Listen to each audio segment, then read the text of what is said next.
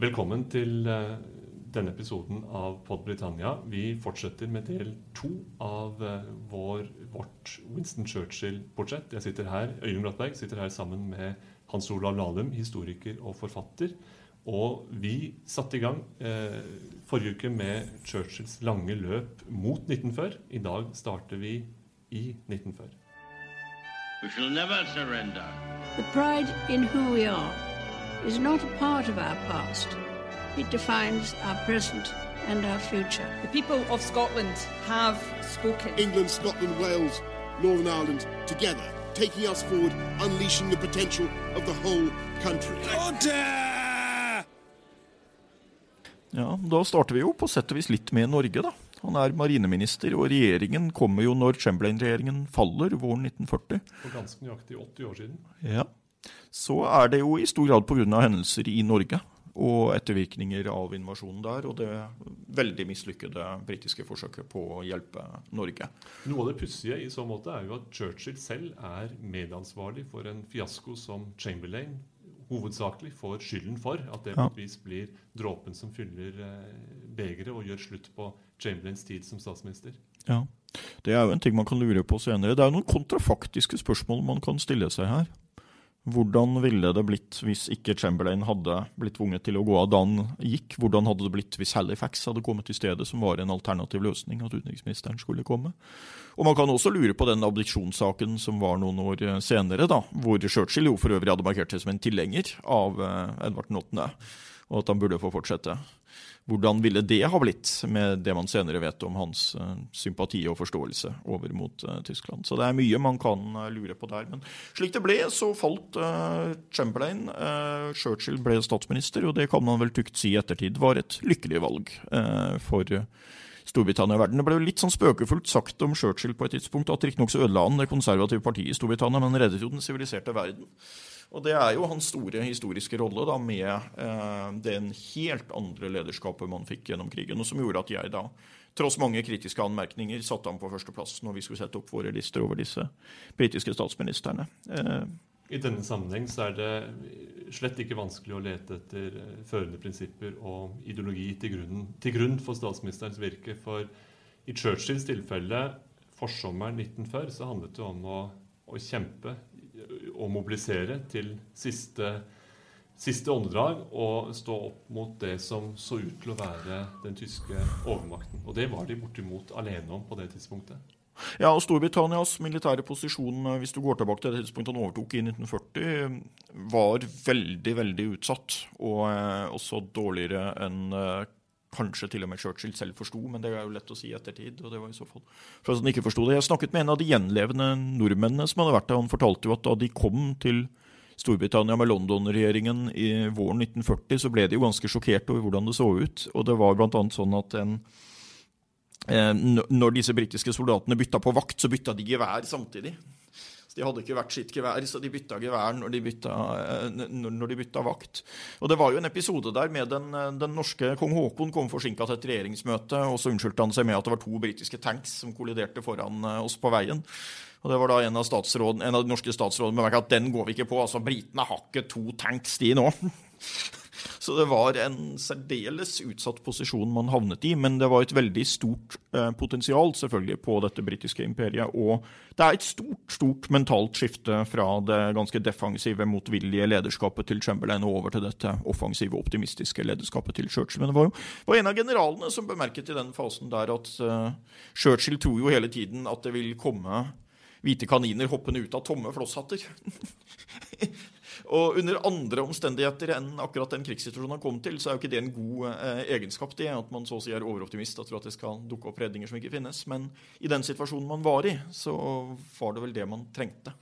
Å tro, tro på det utrolige syntes å være en helt nødvendig egenskap. og det det heter seg også om denne krigsregjeringen, som jo ble en, en samlingsregjering, hvor også Labour og, og, de liberale tok del.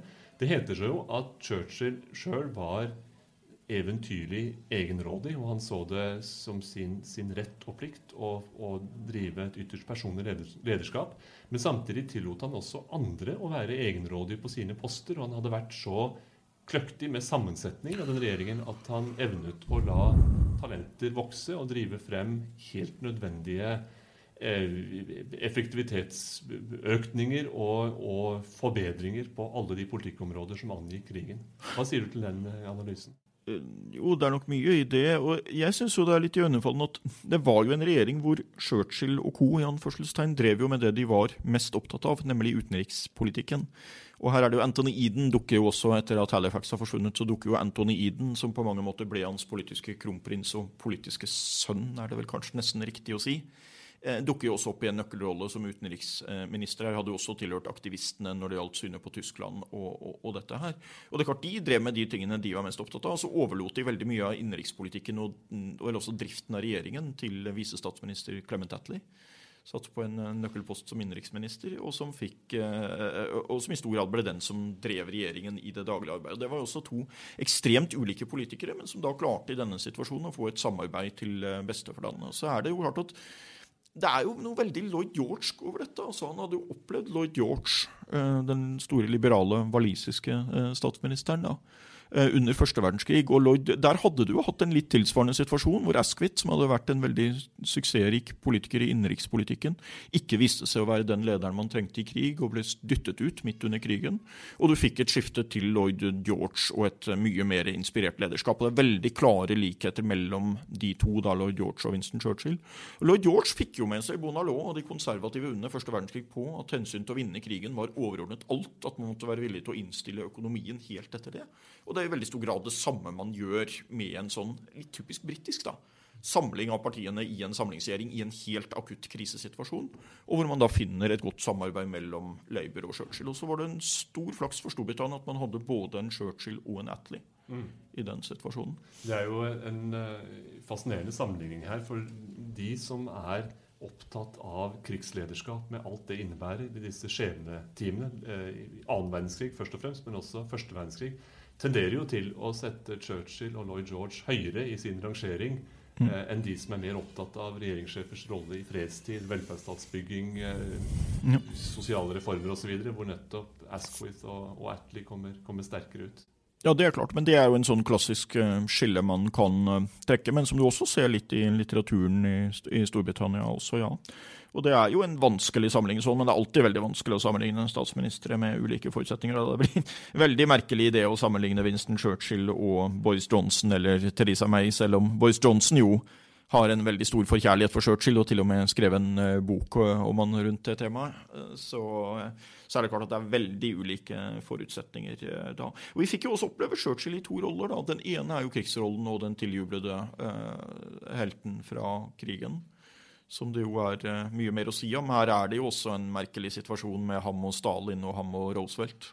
Ja, Churchill inngår jo i en, en, en eventyrlig viktig eh, internasjonal personkabal, kan man si, mm. underveis i krigsårene. Og den kabalen får større og større viktighet etter hvert som amerikanerne blir involvert i krigen, og etter hvert som østfronten får stor betydning for å beseire Hitler, så blir Churchill stående i en slags trio med Roosevelt og Stalin på, på hver kant, eh, og hvor alle tre har sine utfordringer i relasjoner seg imellom, men hvor det på et vis går opp med de nødvendige kompromisser. Hvor avgjørende var Churchills personlige egenskaper for å få disse til å trekke i lag på et vis? Dette som i praksis ble de tre førende maktene på den vinnende siden i krigen. Ja, det er nok Altså, han aksepterte jo Stalin. Han har jo denne berømte Denne berømmelige formuleringen om at hvis Hitler invaderte helvete, så, eh, så kunne han vurdere å si noe positivt om djevelen, i hvert fall en stund. Og, og eh, han hadde jo vært uhyre kritisk til Stalin og kommunistregimet i Sovjet. Han kom også til å bli det senere. Han satte det litt på pause, tror jeg det er riktig å si, i 41, 42, 43. Eh, og da fulgte han på mange måter Roosevelt, som jo ble hans eh, viktigste samarbeidspartner. Og mellom de to var det jo et uhyre nært eh, eh, forhold. Eh, og her fikk man litt inn den positive siden ved at Churchill var halvt amerikaner, og vel til og med fjernt, fjernt, fjernt beslektet med, med, med Roosevelt. Så det var jo to politikere som forsto hverandre veldig godt. Og det var Roosevelt som i stor grad ble brobyggeren da, mellom Churchill, som jo på dette tidspunkt var blitt veldig konservativ og en, og en antikommunistisk hauk, og eh, Stalin, som jo eh, var eh, kommunist og sto for et redselsregime, er det vel riktig å si, internt i, i Sovjet eh, på siste del av 30-tallet osv. Og, så og så ble det jo en konflikt viktig utover i krigen, hvor eh, bl.a. dette med polakkene og massegravene i Polen og Katyn-massakren og alt dette her ble jo et tema.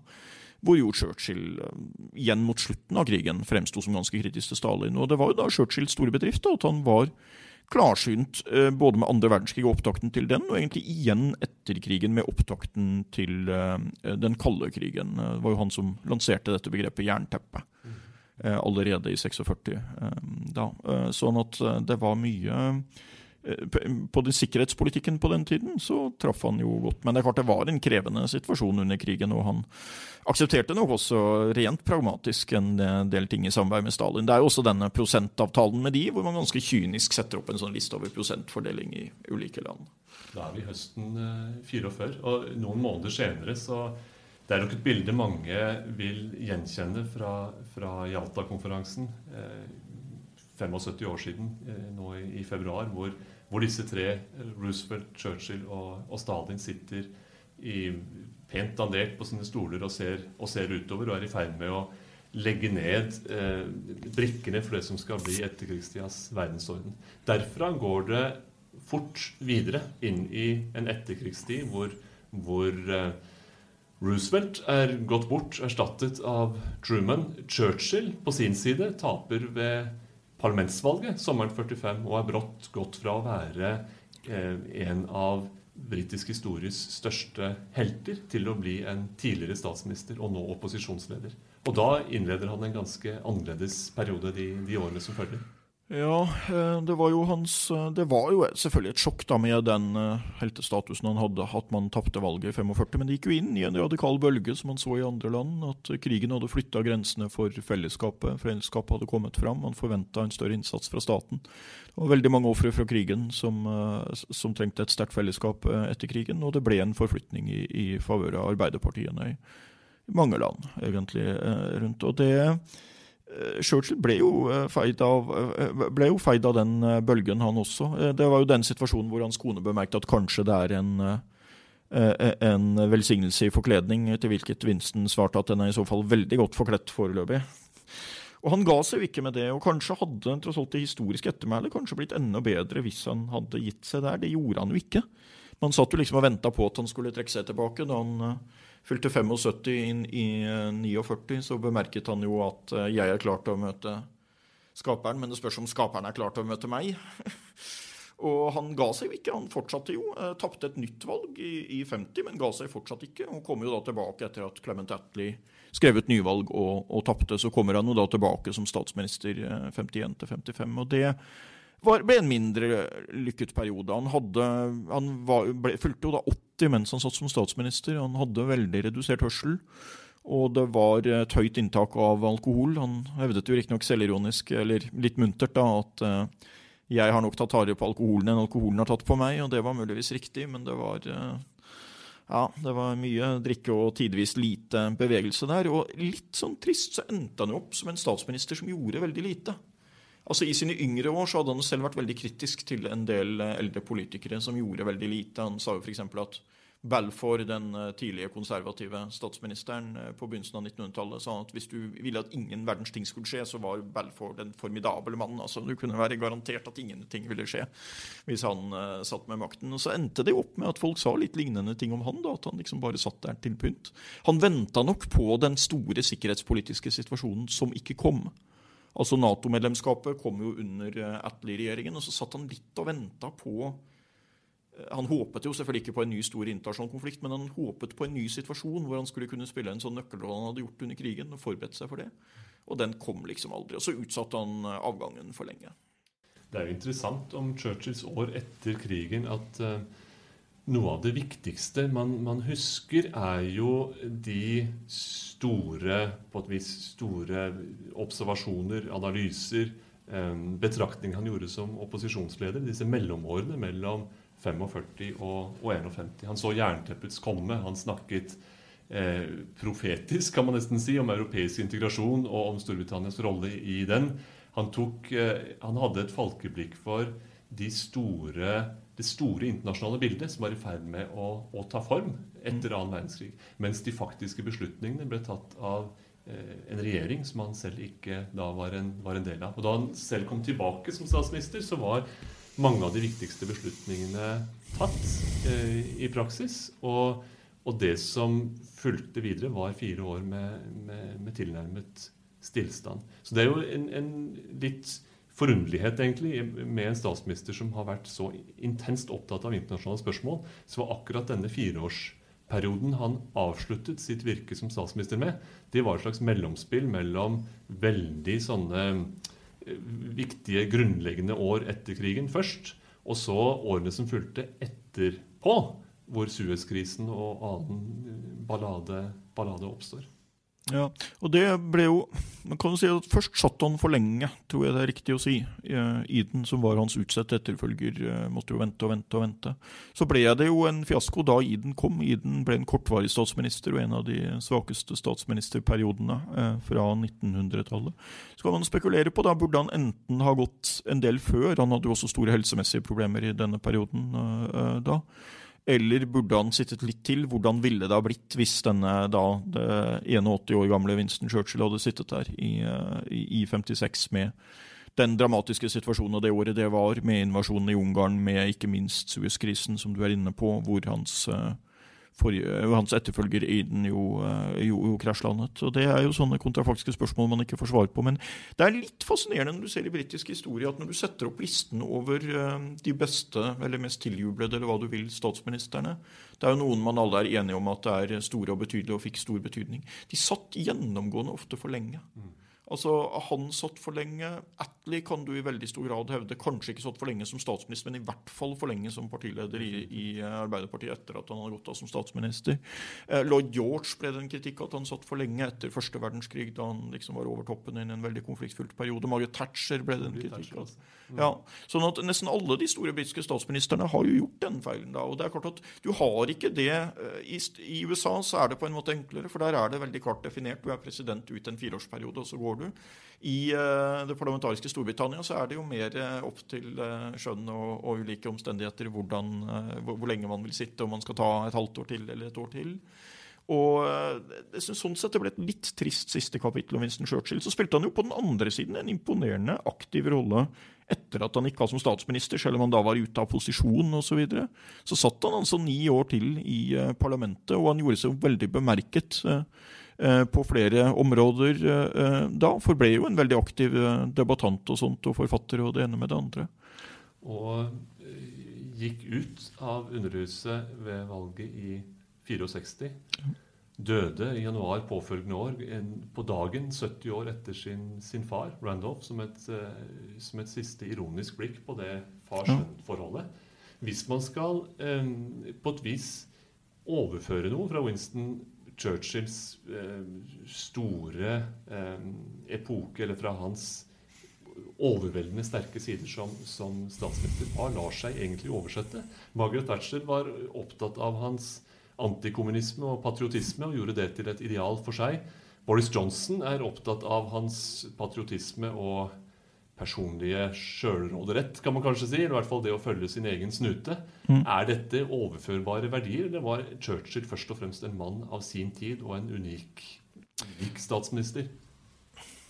Jeg tror det er vanskelig å forstå Churchill uavhengig av sin tid. og Han var jo ikke primært en ideolog, selv om han hadde noen sånne klare à la antikommunismen og, og, og sånt. Og det er jo en del pletter vi nå ikke har vært så mye innom på. At det er klart at En del av synet hans på imperiet, som han jo var rasende over at raste Han motsatte seg jo nær sagt alt som ble skilt ut av eh, imperiet. Og han aksepterte en del eh, brudd på menneskerettigheter osv. i eh, kamp mot de som, motsatte, eller de som ønsket å oppløse imperiet.